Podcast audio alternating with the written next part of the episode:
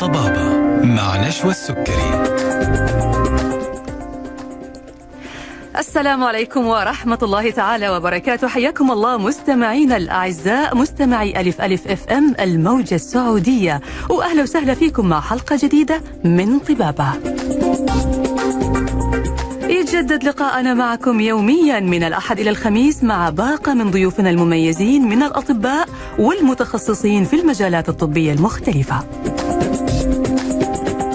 يسعدني اني أكون معكم من الاستوديو أنا نشوى السكري لمدة ساعة على الهواء مباشرة من الآن وإلى الساعة 2 بعد الظهر وموضوع طبي جديد وضيف مميز جديد.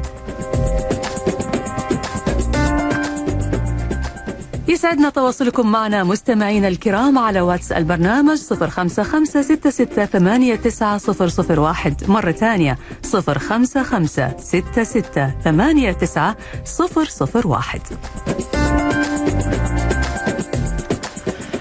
أما موضوع حلقتنا اليوم فهي عن مرحلة مهمة جدا من حياة المرأة وهي مرحلة الحمل اللي تعتبر فعلا من أهم المراحل اللي بتمر فيها المرأة في حياتها وتحتاج فيها للدعم والمساندة والمتابعة الطبية المنتظمة عشان تحافظ على حملها وعشان تتفادى أي مشاكل صحية ممكن تحصل لها أثناء فترة الحمل سواء لها أو لجنينها.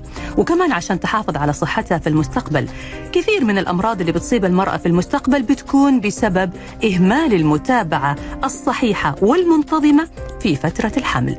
موضوعنا اليوم عن متابعة الحمل وأهمية المتابعة على صحة المرأة مع ضيفتنا الدكتورة أسماء كردي استشاري نساء والولادة بمستشفى دلا نمار. حياك الله دكتورة أسماء وأهلا وسهلا فيكي أهلا وسهلا بك دكتورة نشوى واهلا بكل مستمعينك الكرام. أهلا بك يا فندم. الله يسلمك. دكتورة إحنا قلنا إنه آه، مرحلة الحمل تعتبر من أهم المراحل في حياة المرأة ويمكن من أصعب المراحل.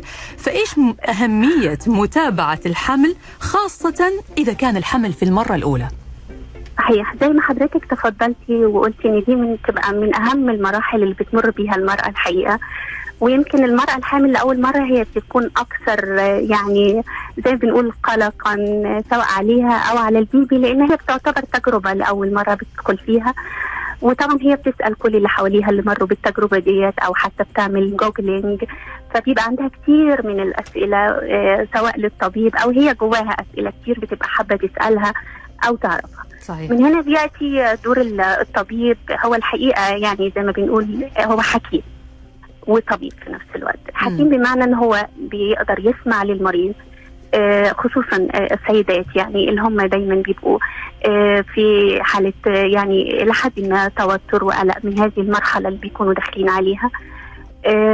فهنا بيأتي دورنا إن إحنا نوجه ونرشد وأكيد أكيد نتابع و وأكيد نكتشف أمراض ممكن تحصل أثناء الحمل وزي ما حضرتك عارفة أكيد الوقاية خير من العلاج يعني. أكيد يا دكتورة أكيد. طيب إحنا هنبدأ نتكلم عن متابعة الحمل.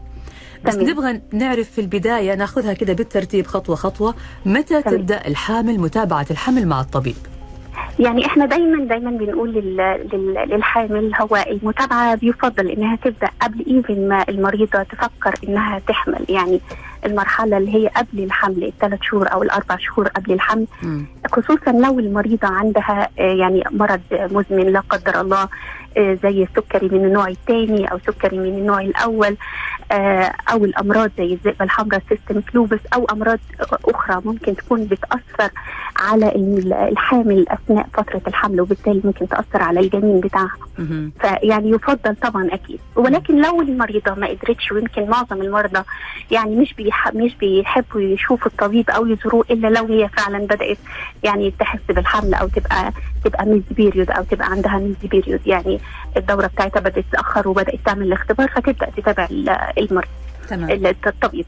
تمام. دايما دايما بنقول للمريضة يا ريت المتابعة تبقى خلال العشر آه، أسابيع الأولى أو ما قبل العشر أسابيع اللي إحنا بنقول عليها ال booking visit. هي أول زيارة مهمة جدا جدا أول زيارة. آه، فيها بتتعرف أكيد المريضة على الطبيب بتاعها اللي هو هيتابعها طوال فترة الحمل. يمكن أنا دايما بقول المرضى بتوعي بيبقوا صديقاتي على نهاية الحمل لأن إحنا بنشوف بعض أكيد عشرة يعني. عمر. أكيد. حمل صارت. أكيد أكيد أكيد أكيد. خلال الزيارة الأولانية طبعا أنا بناخد complete history يعني تاريخ مرضي كامل بالنسبة لل- للمريضة. آه يعني آه إمتى حصل الزواج؟ هل في تأخر في الإنجاب؟ يعني هل ده أول بيبي طبعا لو في آه ده تاني أو تاني بيبي أو أكتر من بيبي مهم جدا جدا المرأة آه أو الطبيب ياخد تفاصيل عن الحمل الأول عن لا قدر الله تعرض لمشاكل أثناء الحمل مم. تفاصيل شديدة عن الولادة التعرض لأي مشاكل أثناء الولادة ما قبل الولادة مباشرة مم. ما بعد الولادة آه، تعرض الطفل لأي مشكلة أثناء الولادة أو دخوله الحضانة بعد ال- آه، بعد الولادة تعرض الأم لا قدر الله نزيف ارتفاع ضغط سكري أثناء الحمل. أي مشاكل صحية ال details دي أو التفاصيل دي مهمة جدا الطبيب يكون بيعرفها. طيب سؤال يا دكتورة يعني معلش. هنا في, في زيارة ال- الحامل للطبيبة. آه، هل يفضل أن يكون الزوج معاها؟ ولا. مهم يكون معاها أكيد أكيد يا فندم اولا الزوج بيعطي دعم شديد جدا دعم نفسي وده اللي يهمنا بشكل كبير جدا جدا زي ما قلت لحضرتك ال- ال- ال- الصحة النفسية مهمة جدا آه، لل- للمرأة الحامل. وجود الزوج بيعطي أكيد دعم أكيد نفسي. دعم نفسي شديد أكيد أكيد مم. كمان هو بيبقى يعني ال- ال- الزوج وخصوصا برضو الزوج اللي أول مرة بيبقى عندهم هذه ال experience أو هذه الخبرة بيبقى كمان جواه أسئلة كتير بيبقى حابب يسألها مم. للطبيب آه، آه، وحتى even أوقات بيبقى هي مثلا نسيت أسئلة هو كمان بيحاول يذكرها بالأسئلة اللي هي ممكن تكون آه، نسيتها أو بتسأل عنها في البيت واثناء الزياره ممكن تكون يعني مش مش مش واردة لها يعني مهم. أكيد أكيد. وجود الزوج وحتى even أثناء المتابعة وأثناء الولادة وده اللي بتوفره مستشفى دلة الحقيقة مم. وجود الزوج كمان أثناء الولادة مم. يعطي دعم نفسي مهم جدا أكيد يمكن بعض الأزواج دكتورة ما بيفضل إنه يحضر ال- الولادة أو يفضل بيعتبر إنه مسؤولية الحمل والولادة هذه تصير في الفترة هذه الزوجة مع أهلها مع أمها مع والله والله يا فندم آه، لا الحقيقة يمكن يمكن من وقت سابق لكن أنا يمكن في السعودية من خمس سنين. مم. وقبلها كنت يعني بشتغل في مصر. آه لا أنا بلاقي هنا الزوج بيدعم الزوجة جدا ما الزوج شاء الله. السعودي الحمد لله. جدا جدا. والحقيقة يعني يعني موستلي تقدري تقولي حضرتك أكثر من 90% من الأزواج بيبقوا متزوجين أثناء الولادة. ويمكن حتى ايفن بيقروا أكثر من السيدات يعني. مهتم أكثر منها آه، ويبحث. ويشوف المعلومات. حقيقي. لا. لا حقيقي أنا. لا دعم شديد بتلاقيه السيدة السعودية الحقيقة من. من الزوج أثناء فتره الحمل وأثناء الولادة. أجل كل امرأة سعودية خلاص اعرفي فضل زوجك وشوفي الفرق بين الزوج السعودي وغيره. طبعا كل الناس فيها خير وبركة بس أكيد. هذه شهادة من مختص ومتابع للحالات. شكرا يا أكيد. دكتورة. شكرا العفو يا لحضرتك فندم. أكيد أكيد. طيب. أهلا. حضرتك قلتي إنه آه، من أهم يعني الأشياء في متابعة الحمل اكتشاف الأمراض وكمان لو كانت المرأة بتعاني من بعض الأمراض ممكن يكون لها تأثير على الحمل فضروري إنها تتابع مثل السكر والضغط والغدة الدرقية وكذا. أكيد أيوة. أكيد يا فندم أكيد وده من الحاجات اولا الطبيب يعني بيدي أسئلة موجهة to the point يعني طبعا من ضمن الأسئلة اللي بنسألها التاريخ المرضي سواء للمريضة نفسها أو التاريخ المرضي في العيلة اللي هم ال first degree relative تمام. آه، الأب الأم الإخوات آه، العمات الخالات اللي هم يعني آه، بتسالي عن التاريخ المرضي. طبعا أنا بنصح كل سيدة حامل إنها لو عندها أي مشكلة قبل ال- الحمل لازم لازم الطبيب يبقى معاها في ال- في الصورة ولازم يبقى عارف آه، لو هي بتاخد أدوية معينة لو هي ماشية على علاجات معينة آه، ما تخبي ابدا أي شيء على الطبيب لأن ده جزء كبير من من المتابعة والعلاج أثناء الحمل آه،. وبيأثر أكيد أكيد على على الحمل أيوه. واضح إنه في صعوبة ممكن يلاقيها الدكتور مع بعض المريضات. يعني حضرتك ذكرتي إنها ما تخبي أي شيء إنه طبعاً. تذكر كل الأدوية. هنا نتكلم يا دكتورة عن ال- الصعوبة اللي بيعانيها أو بيجدها الدكتور مع بعض المريضات لما يجي يشخص الحالة في أثناء فترة متابعة الحمل. آه زي ما قلت لحضرتك إن آه المريضة ما ينفعش تخبي أي شيء. يعني آه عن عن الطبيب خصوصا لو بتاخد أدوية معينة. وأنا بلاحظ هنا الناس يعني الصحة النفسية مهمة جدا. في بعض المريضات بتبقى بتزور عيادات نفسية كتير. الحقيقة ودي ثقافة كويسة جدا في المجتمع السعودي. ما بقاش زي زمان الناس بتتكسف إنها بتروح عيادات نفسية أو بتاخد أدوية نفسية. لكن ستيل في بعض إحنا كمجتمع يعني يعتبر مجتمع شرقي شوية أوقات بتخبي الحاجات دي. مم. لا أنا بقول للمريضة لازم تصحي الطبيب, بتاعك إنك بتاخدي مثلا لو بتاخدي أدوية نفسية لو في أمراض مزمنه آه، بتاخدي لها أدوية آه، لو في سكري من النوع الأول انت حضرتك ماشيه على إنسولين ما كنتيش يعني مش بتقولي أو مش قايلة لحد لا- لازم تصحي الطبيب بحالتك الصحية. مهم جدا جدا. مم. آه، الموضوع ده. لو في تعرض ل ل infection sexual infection يعني اي عدوى مثلا. آه. بالضبط أي عدوى حضرتك تعرضت لها أو في فترة سابقة قبل الحمل أو أثناء الحمل لازم طبعا الطبيب المريض يكون معرف ال- الطبيب بكل الأدوية أو الأمراض اللي سواء اتعرض ليها قبل كده أو أثناء الحمل. ممتاز يا دكتورة. الحمد لله. يعني أنا بحب أطمن الناس معظم معظم المرضى الحمد لله. أنا ما بحبش أسمي المتابعين بتوعي مرضى الحقيقة. مم.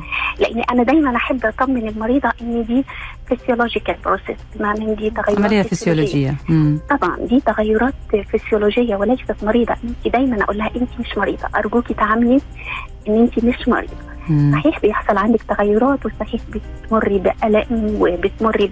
بأعراض غير لطيفة ولكن في الآخر هذه أعراض طبيعية وأنت في صحة وليست أيوه لا زلت مرضية. تتمتعي بالصحة والعافية بالضبط جميل. أكيد أكيد أكيد وكل غالبا كل الحاجات اللي هي الفسيولوجية التشينجز أو التغيرات الفسيولوجية خلال الست أسابيع الأولى إن شاء الله بتبقى يعني بترجع لل normal وبترجعي طبيعية جدا إن شاء الله جميل حوارنا بعض الأمراض اللي هي ممكن بعض الأمراض اللي ممكن تحدث أو تجد أثناء الحمل زي ارتفاع الضغط أو السكري يمكن في آه، كثير منها بيختفي بعد الولادة يعني هذا موضوع مهم. موضوع مهم ارتفاع الضغط وارتفاع السكر في تمام. الحمل أو بعض تمام. الأعراض اللي بتظهر على المرأة في فترة ده الحمل بشكل حقيقي. مؤقت وإن شاء الله أنها بتنتهي هنتكلم عن هذه النقطة بالتفصيل يا دكتورة لأنها نقطة مرة مهمة لكن هنطلع الآن فاصل قصير ونرجع بعد ونواصل حوارنا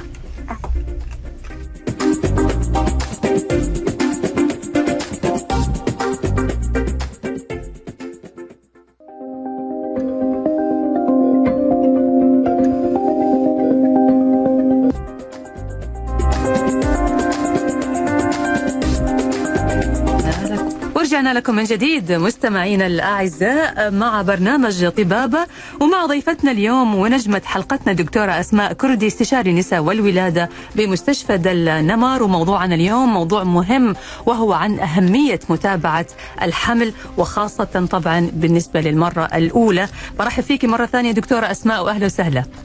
أهلا وسهلا بحضرتك حياك الله. الكرام. أهلين يا دكتورة. وبذكر كمان المستمعين بأنه بإمكانهم التواصل معنا أو طلب أي استشارة الآن أونلاين على واتس البرنامج 055 66 89001 طيب كنا يا دكتورة قبل الفاصل بنتكلم عن إنه آه، في تأثير لبعض الأمراض زي الضغط، السكر، الغدة الدرقية على الحمل ومتابعة الحمل مرة مهمة للمرأة علشان تعمل control لهذه الأمراض وفي نفس الوقت إذا ظهرت عليها بعض الأعراض أو بعض الأمراض بشكل مؤقت أثناء فترة الحمل فقلنا إنه ما هي أمراض هي مجرد كده تغيرات بسيطة لكن المرأة لا تزال تتمتع بالصحة والعافية خاصة إذا كانت منتظمة في متابعة الحمل.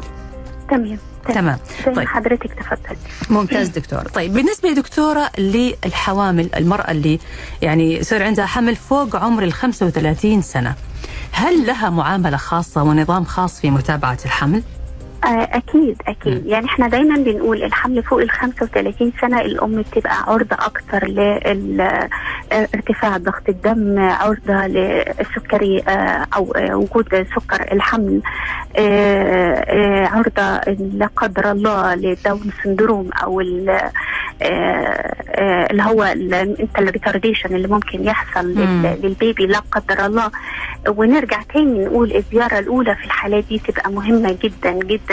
لأن في بعض التحاليل والأشعة التلفزيونية المهمة مم. اللي بتتعمل خلال الزيارات الأولى من الحمل اللي بتكتشف أو فيها اكتشاف لهذه الأمراض مبكرا آه كمان آه بنقول للمريضه إزاي المتابعة بتبقى آه يعني كل فترة قد إيه إيه وإمتى بنكتشف هذه الأمراض وإيه الأعراض اللي ممكن المريضة تحس بيها فترجع للطبيب آه، فالموضوع الحقيقة مهم جدا خصوصا هذه المرأة اللي فوق ال 35 مم. والأخص اللي بتحمل لأول مرة فوق ال 35 مهم. كلها معاملة خاصة جدا ومتابعة دقيقة مع الطبيب أكيد أكيد وهنا الطبيب دوره إن هو يفهم المريضة أنت الحقيقة الزيارات بتبقى متتابعة إزاي و... آه، وإحنا هنعمل إيه الحقيقة خلال الزيارات دي؟ لأن أيوة. المريضة الحقيقة بتبقى حابة تعرف أنا هاجي عشان إيه بالضبط يعني ال- آه يعني ال- ال- الزيارة الأولى وال- والزيارات اللاحقة المريضة بتح يعني بنحاول نعرفها آه، إحنا إمتى ال investigation أو التحليل آه، هتعملها هنقيس ال vital signs علاماتك الحيوية كل زيارة.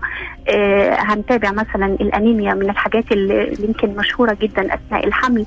آه، إمتى هنعمل تحليل الأنيميا؟ وإمتى ممكن نضطر إن إحنا نعيده تاني؟ إيه أعراض الأنيميا اللي ممكن تحس بيها. إيه أعراض ارتفاع الضغط.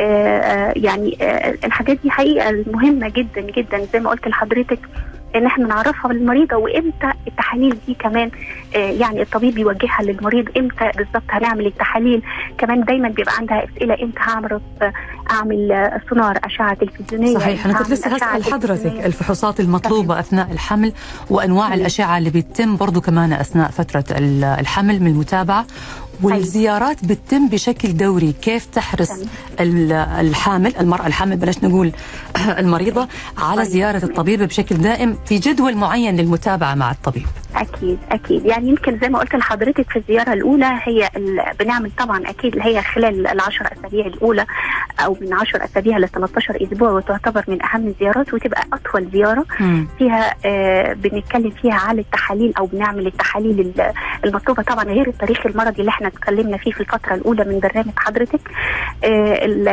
المرض بنقول المريضة اللي هي التحاليل ال- اللي إحنا المفروض إن إحنا بنعملها آه زي تحاليل ال- آه صورة دم كاملة تحليل فصيلة الدم آه تحليل السكر العشوائي. آه، أو السكر التراكمي بنعرف طبعا آه، آه، بنعمل للمريضة تحليل البول عشان لو في بكتيريا في البول نقدر نكتشفها مبكرا. ونعالجها مبكرا لأن برضو ال- التهابات البول من الحاجات اللي هي very common during pregnancy أو هي بتبقى شوية شائعة. يعني المرضى بتبقى بالظبط. كده آه بنكتشفها لا قدر الله الكبدي الوبائي بي الكبدي الوبائي سي حتى even الايدز آه، دي من التحاليل اللي لازم بتتعمل آه، للمريضة في أول زيارة مم. لو المريضة عندها أعراض لغدة درقية أو كانت بتتعالج من غدة درقية بنعمل التحاليل المطلوبة للغدة. مم. آه، آه، الحقيقة. آه، وطبعا خلال الزيارة الأولى ممكن نعمل سونار. وده بنسميه dating scan السونار الأولي بنعرف بيه مدة الحمل بالظبط وبنعتمد على هذه أو هذا السونار لباقي الحمل في حساب مدة الحمل الحقيقة مم. وبعد كده بنكمل يعني هل لازم يا دكتور السونار في كل زيارة للدكتور ولا بس بيكون في أو. أوقات معينة؟ هو الحقيقة كل مريضة بتحب إن هي تعمل سونار في كل زيارة لكن الحقيقة السونار ما هوش ضروري في كل زيارة. آه آه لا الحقيقة السونار ضروري في الزيارة الأولى زي ما قلت لحضرتك وده بنعتمد فيه على ال dating scan أو بنعرف بيه مدة الحمل بالظبط إيه آه مهم جدا آه ممكن آه نعمل للمريضة زي ما تفضلت حضرتك اللي فوق سن 35 أو ال 40 اللي هي عرضه أكتر لل Down syndrome. آه، بنعمل ال nuchal translucency أو مقاس الرقبة وده بيتعمل من الأسبوع ال 12 أو الأسبوع ال 11 لحد الأسبوع ال 13 وست أيام يعني قبل 14 أسبوع.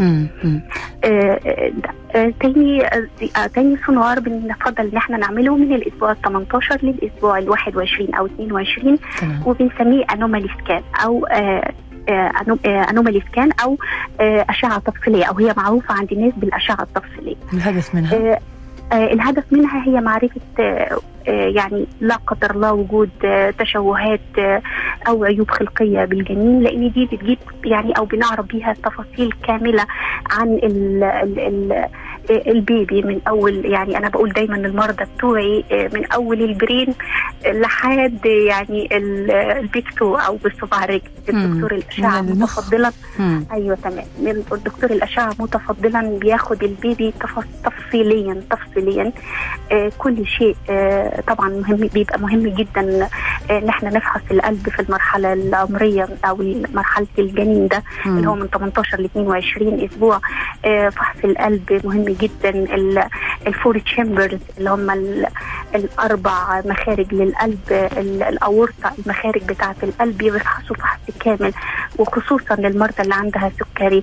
آه ما قبل الحمل إن تبقى عرضة أكتر لأمراض القلب في الجنين. بيفحص ال- الكبد الكلى even ال spines اللي هو العمود الفقري. للبيبي ال extremities اللي هي الإيدين الرجلين. وطبعا أكيد ده بيطمن المريضة جدا وبي يعني بيعرفها إن حالة البيبي الحمد لله مستقرة وصحية. عشان تبقى آه.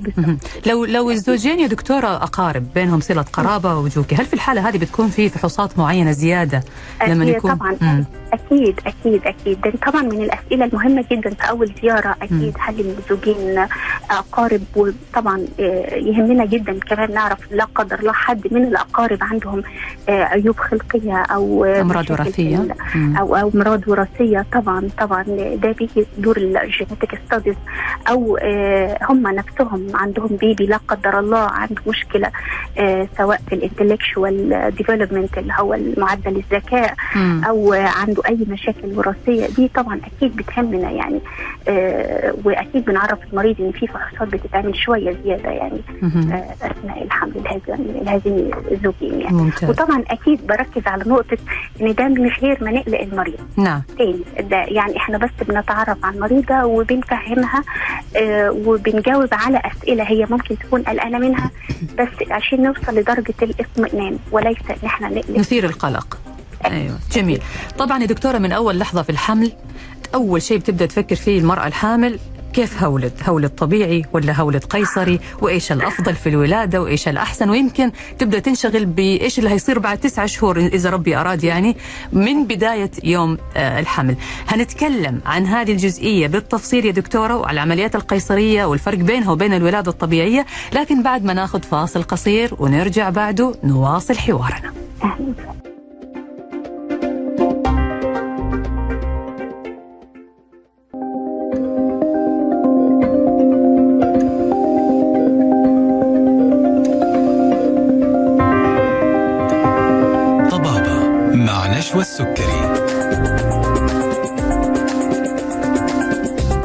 حياكم الله من جديد مستمعينا الأعزاء وأهلا وسهلا فيكم مع برنامج طبابة وموضوعنا اليوم عن متابعة الحمل وأهمية المتابعة والانتظام في المتابعة مع الطبيب مع ضيفتنا الدكتورة أسماء كردي استشاري نساء ولادة مستشفى دلة نمار وبذكركم بأنه بإمكانكم التواصل معنا أو طلب الاستشارة أونلاين مع ضيفتنا الدكتورة أسماء على واتس البرنامج 05566 89001 حياك الله دكتورة أسماء من جديد. أهلا وسهلا بحضرتك. مستمعيني الكرام. دكتورة قبل الفاصل كنا بنقول بالنسبة للعمليات القيصرية دائما الهاجس اللي عند الحامل أنا هولد قيصري ولا هولد طبيعي وإيش الأفضل؟ وبعد الولادة إيش ممكن يصير؟ لو ولدت كذا أو ولدت كذا فخلينا يا دكتورة في البداية نعرف بالنسبة للعمليات القيصرية بالنسبة لإعدادها بالتقريب في المملكة مقارنة بالعالم الخارجي زي أمريكا وأوروبا وغيرها من الدول يعني. هو الحقيقة ال- العمليات القيصرية في ازدياد يمكن من التسعينات بدأت العمليات القيصرية شوية تزيد وده يعني جزء كبير من منه بيبقى من تقدم الطب وخصوصا أثناء ال- الولادة نفسها من آه، يعني تخطيط الجنين كان عامل جزء كبير جدا آه، في زيادة عدد القيصريات فهو الحقيقة هو في ازدياد في العالم كله. لكن هنا الحقيقة بيأتي دور ال- الطبيب اللي هو بيتابع المريضة وأثناء الولادة اولا إنه يطمنها آه إن ال- الولادة الطبيعية في الآخر هي أفضل ما فيش كلام آه بالمقارنة بال- بالولادة. آه يعني طبعا ألم الولادة هو ألم يحترم. آه لكن الحقيقة النتائج اللي إحنا بن يعني بنشوفها بعد الولادة الطبيعية من قصر المدة اللي المريضة بتقعد فيها في المستشفى من إنها بتقدر تتابع ب- تباشر الطفل بتاعها بسرعة بشكل كبير وبترجع لحياتها الطبيعية بعد الولادة أكيد أكيد بيبقى أفضل وبنميل بشكل كبير آه الطبيعيه. مم. طب آه ليش دكتورة بعض الأحيان ممكن الأطباء يعني يلجأوا للعملية القيصرية وليش بعض النساء بتفضل إنها تجري الولادة من خلال العملية القيصرية آه يعني هو ده زي ما قلت لحضرتك دور الطبيب اللي هو بيتابع المريضة إن هو يطمنها أثناء ال- أو يتكلم معاها في الولادة خصوصا نقدر نقول من ال- من الأسبوع ال 32 إلى 36 بنبدأ مم. نتكلم في الولادة آه بنبدأ يعني نسأل المريضة إيه يعني إيه القلق اللي بالنسبة لك أو خوفك ليه من الولادة الطبيعية وبنبدأ نقول فوائد الولادة الطبيعية طبعا الطبيب أو يعني إحنا كمان في مستشفى دلة ابدا ما بنجري عملية قيصرية إلا لو ليها أسباب حقيقية آه وأكيد قبلها بيتاخد كونسنت من المريضة وبيتشرح لها سبب إن إحنا ليه بنعمل هذه ال- القيصرية. بمعنى إن يعني أكيد في مرضى بتيجي تطلب أنا عايزة أعمل قيصرية. يعني إحنا بنقول لها دايما هذا يعني آه ما بنقدرش نعمله في مستشفى دلة لأن آه يعني cesarean on demand is not available مم. ما. ينفعش نعمل آه، قيصرية بدون سبب واضح مو مو بناء على طلب. المريضة يعني مو أنا جاية أبغى أولد قيصري فنولدها قيصري في الأول وفي الآخر الكونسيرن بتاع المريضة يحترم لكن زي ما قلت لحضرتك الطبيب هو طبيب هو وحكيم. في نفس الوقت نعم حكيم في نفس. الوقت.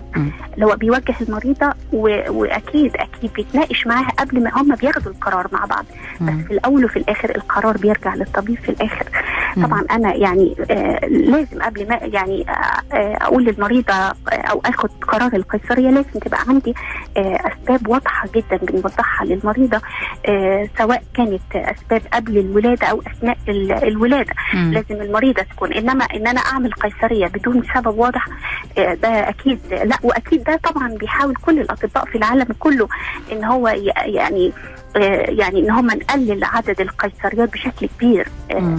لأن في الأول وفي الآخر it's major مهم. يعني هي عملية كبيرة في الأول وفي الآخر. تمام. آه، فيها فتح بطن وتعرض المريضه لمشاكل أو مخاطر لا قدر الله أثناء ال- الولادة وده أكيد ما كلنا مش بنحب يعني أو صحيح. والتعافي بيكون بياخذ. وقت أطول وفتح ثلاث طبقات في البطن مش طبقة واحدة. طب دكتوره الحقيقة لا اتفضلي. آه، آه، يعني هو مش ثلاث طبقات يعني هو ممكن أكثر من طبق بس هي الفكرة هي it's surgery في النهاية. جراحه تعرض المريضة للتخدير وتعرضها للعملية وكمية الدم اللي بتفقده المريضة أكيد بالمقارنة للولادة الطبيعية ويعني المشاكل اللي ممكن تتعرض ليها في الولادات السابقة.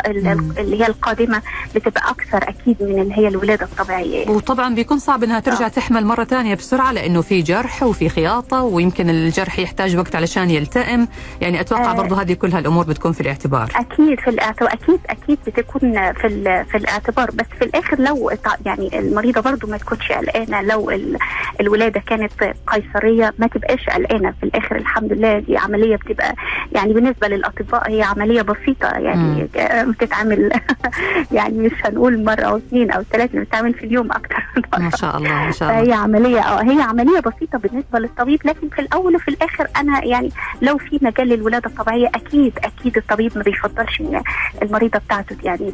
to go for cesarean أكيد. أكيد. طيب دور مستشفيات دلة يا دكتورة.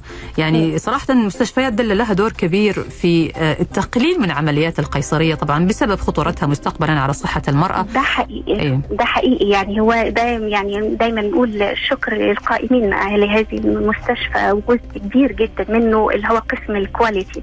آه، في المستشفى اللي هو بيتابع بانتظام بانتظام يمكن أقول لحضرتك شهريا مم. عدد القيصريات اللي بتتعمل ونسبتها بالنسبة للولادة الطبيعية وبيسأل الطبيب عن كل قيصرية إيه سبب القيصرية ولابد أن يكون هناك سبب واضح.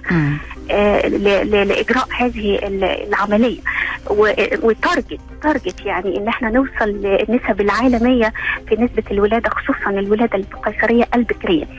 ففي target إحنا بنبقى حاطينه دايما قدامنا وهدف أساسي إن إحنا نقلل عدد القيصريات في يعني في المستشفى عندنا زي ما قلت لحضرتك even it is private sector يعني دي مستشفى تهدف إلى الربح ولكن ليس الأساس الربح. قد ما مصلحة المريض أكيد هي المصلحة تجي في الدرجة الأولى أكيد، آه، قبل أكيد. ال- الربح المادي ممتاز أكيد، جدا أكيد. دكتورة. طيب آه، يعني إيش أبرز الحالات؟ إذا إحنا بنتكلم عن إنه العملية القيصرية هذه بتكون لها أسباب محددة فإيش أبرز أيوة. الحالات اللي تحتاج لها العملية القيصرية؟ هو الحقيقة العملية القيصرية عشان بس نبقى فاهمين أو الم- المستمعين الكرام يكونوا معانا في الصورة العملية القيصرية بتتقسم إلى elective cesarean و emergency elective cesarean إحنا أنا والمريضة بنبقى عارفين إن هذه المريضة will go for cesarean ان هي هتمشي القيصرية بسبب أشياء معينة أثناء الحمل زي مثلا ال baby بيكون بالمقعد. ال baby بي بيكون من خلاص. إحنا بنحدد ميعاد القيصرية بس دايما نقول للمريضة around 39 أسبوع. بيكون في الحالة ديت الرئة اكتملت وبنحدد ميعاد للقيصرية. إحنا مع بعض وهذه بنسميها elective يعني. قيصرية غير طارئة. تمام تمام آه وطبعا أسباب تانية القيصريات المتكررة مرة أكتر من مرة قيصرية أكيد بنقعد مع بعض يعني المريضة اللي والده مرتين قيصري أكيد go for cesarean فبنقعد مع بعض وبنحدد ميعاد إن شاء الله اللي هي اللي هنعمل إمتى ال- ال- القيصرية دي. لكن الحقيقة القيصرية الأكثر ويمكن اللي إحنا نتعرض لها أكثر هي القيصرية ال emergency cesarean المستعجلة الطارئة. العاجلة الطارئة. مم. بمعنى إن المريضة دخلت في ولاده.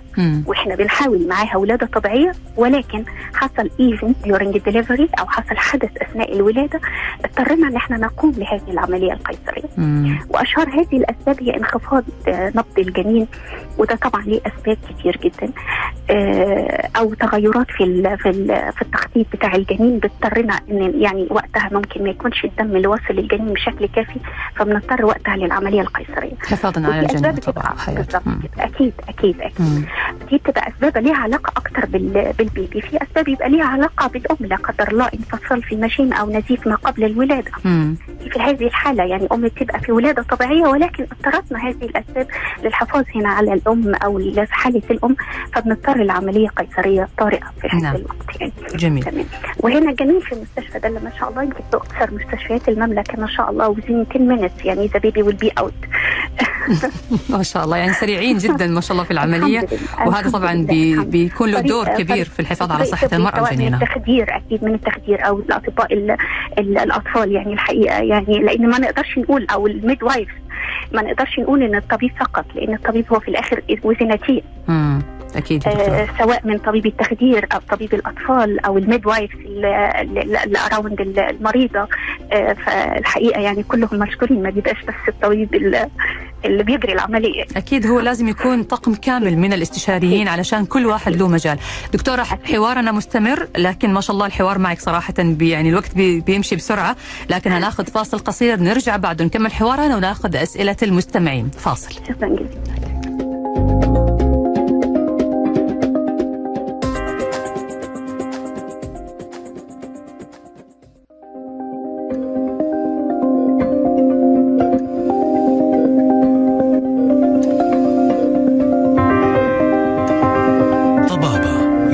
مع نشوى السكري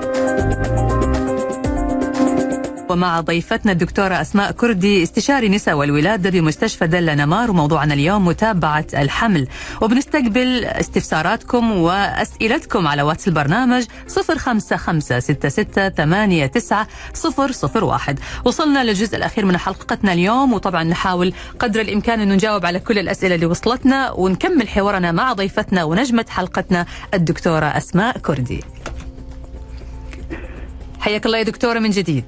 أهلا وسهلا بحضرتك. اهلين دكتورة كنا بنتكلم عن العمليات القيصرية وحضرتك ذكرتي أهميتها ومتى نلجأ لها. وهنا يعني برضو في سؤال مهم بالنسبة للنصائح العامة اللي حضرتك تحبي تقدميها للمرأة الحامل أثناء فترة الحمل وبعد الحمل. يعني أنا دايما بقول ال- ال- المتابعات ما بحبش أقول المريضات بتوعي. تمام. آه، يعني أنا دايما بقول لهم آه، آه، يعني اولا اولا استمتعي بشكل كبير جدا بهذه الفترة. آه، it is a blessing from الله يعني هذه نعمة كبيرة صحيح. جدا جدا. آه، ويعني ما تقلقيش أبدا. آه، وزي ما قلت سابقا it is a physiological process يعني عملية فسيولوجية. آه، يعني آه، حاولي إن شاء الله تقضيها من غير ما تكوني قلقانة.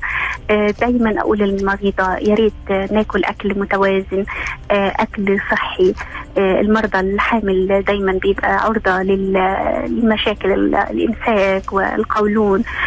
دايما تاكلي خضروات آه، فاكهة تدخلي الألياف في الأكل بتاعك.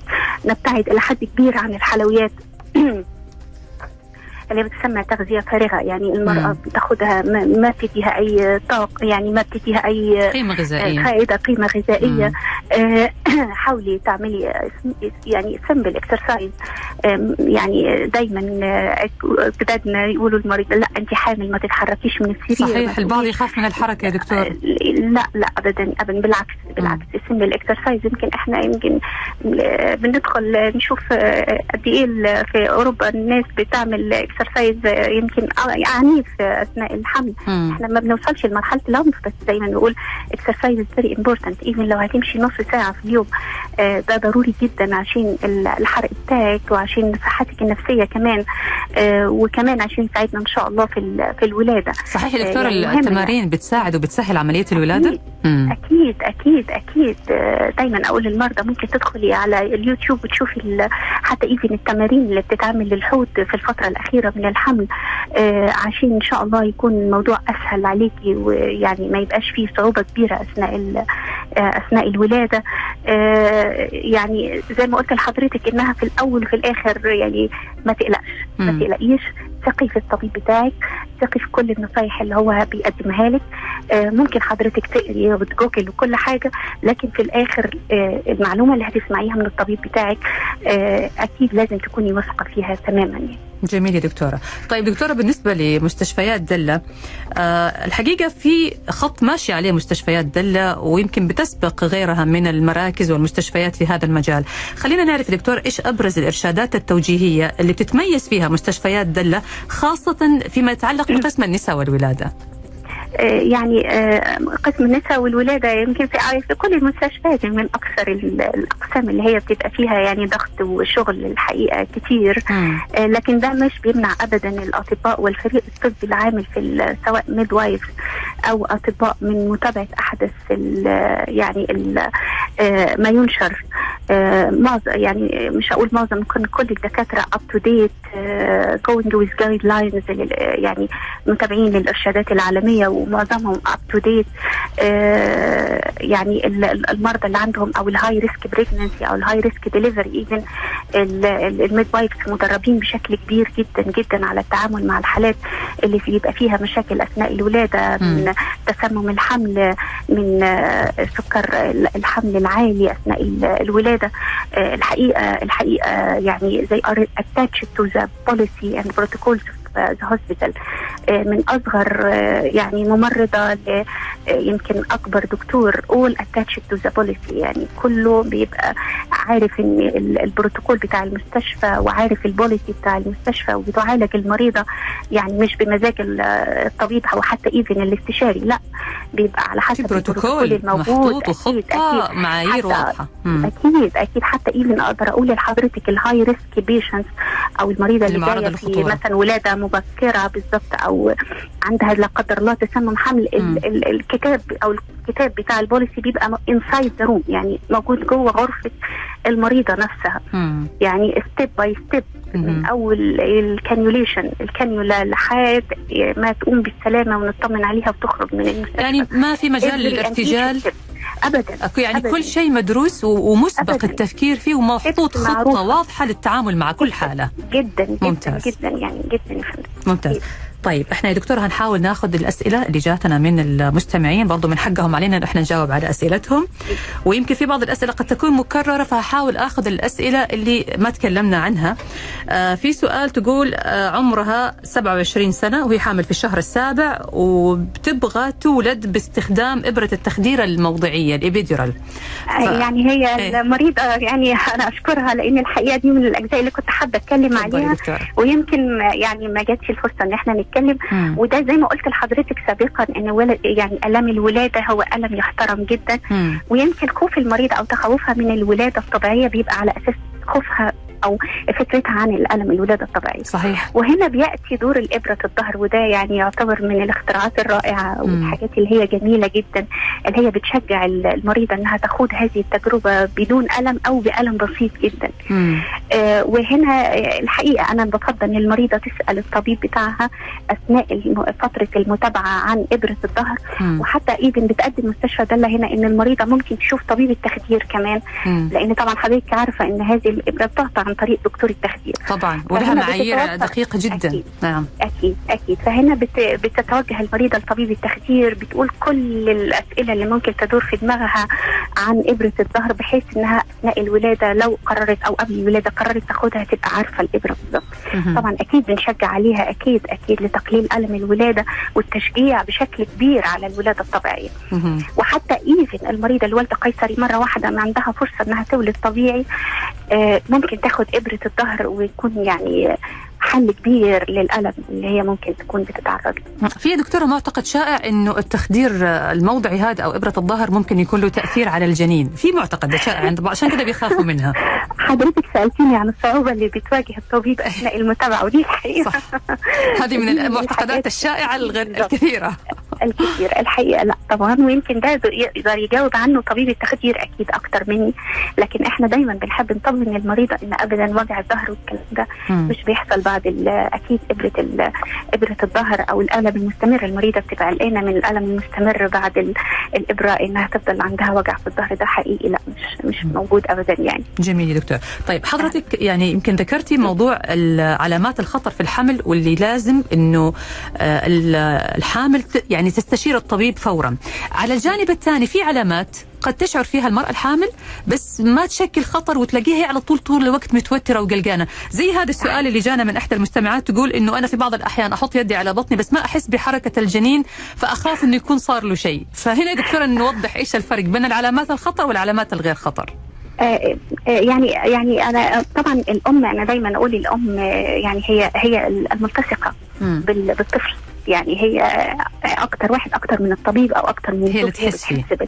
أكيد أكيد هي بتحس بال... بالحركة بتاعت ال baby ودايما هم يعني حتى even ال guidelines لا لا توجه المريض ابدا آه، إنها تشوف حركة البيبي مم. لأن هي طول ما هي حاسة إنها طبيعية هي عمرها ما تقول أنا مش حاسة.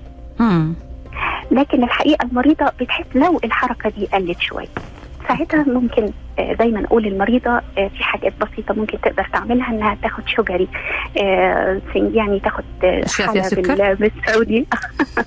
شيء مسكر يعني مم. وبتنام على جنبها مم. آه، شمال أو يمين يفضل طبعا الشمال وتبدأ تعد حركه البيبي خلال ساعتين okay لو يستجيب الحركة بالظبط لو الحركات عندها وصلت ل 10 حركات في. خلال الساعتين أو حتى even في أول ساعة حست هي ال 10 حركات خلاص تطمن وما تقلقش ابدا. آه لكن لو الحركات طبعا أقل من كده بيفضل إنها تتوجه للطبيب خلال 24 ساعة. خلال 24 ساعة. ممتاز جدا يا دكتورة إحنا الحقيقة بنشكر حضرتك على هذه المعلومات الثرية. وبرضو الشكر لمستشفيات دلة على الإرشادات التوجيهية وعلى دورهم الكبير في تقليل من عمليات القيصرية لأنه هذا فعلا دور مهم وكمان دور توعوي. مهم جدا أنه المرأة الحامل تعرف إيش المناسب لها وتترك الموضوع لله أولا وأخيرا ثم للطبيب المختص المعالج لأنه هو الأدرى بالحالة والأعرف إيش المناسب لها. ولصحتها ولصحة جنينها طبعا أكيد. أكيد. شكرا لك دكتورة أسماء كردي استشاري النساء والولادة بمستشفى دلة نمار. نشكر نشكر لك يا دكتورة تواجدك معنا وعلى وعد بلقاء آخر إن شاء الله في حلقة قادمة. شكراً والشكر. لكم شكراً أنتم أيضا مستمعينا الأعزاء. نلقاكم على خير في الغد بإذن الله تعالى. تقبلوا تحياتي أنا نشوى السكري وتحيات فريق العمل في حفظ الله ورعايته.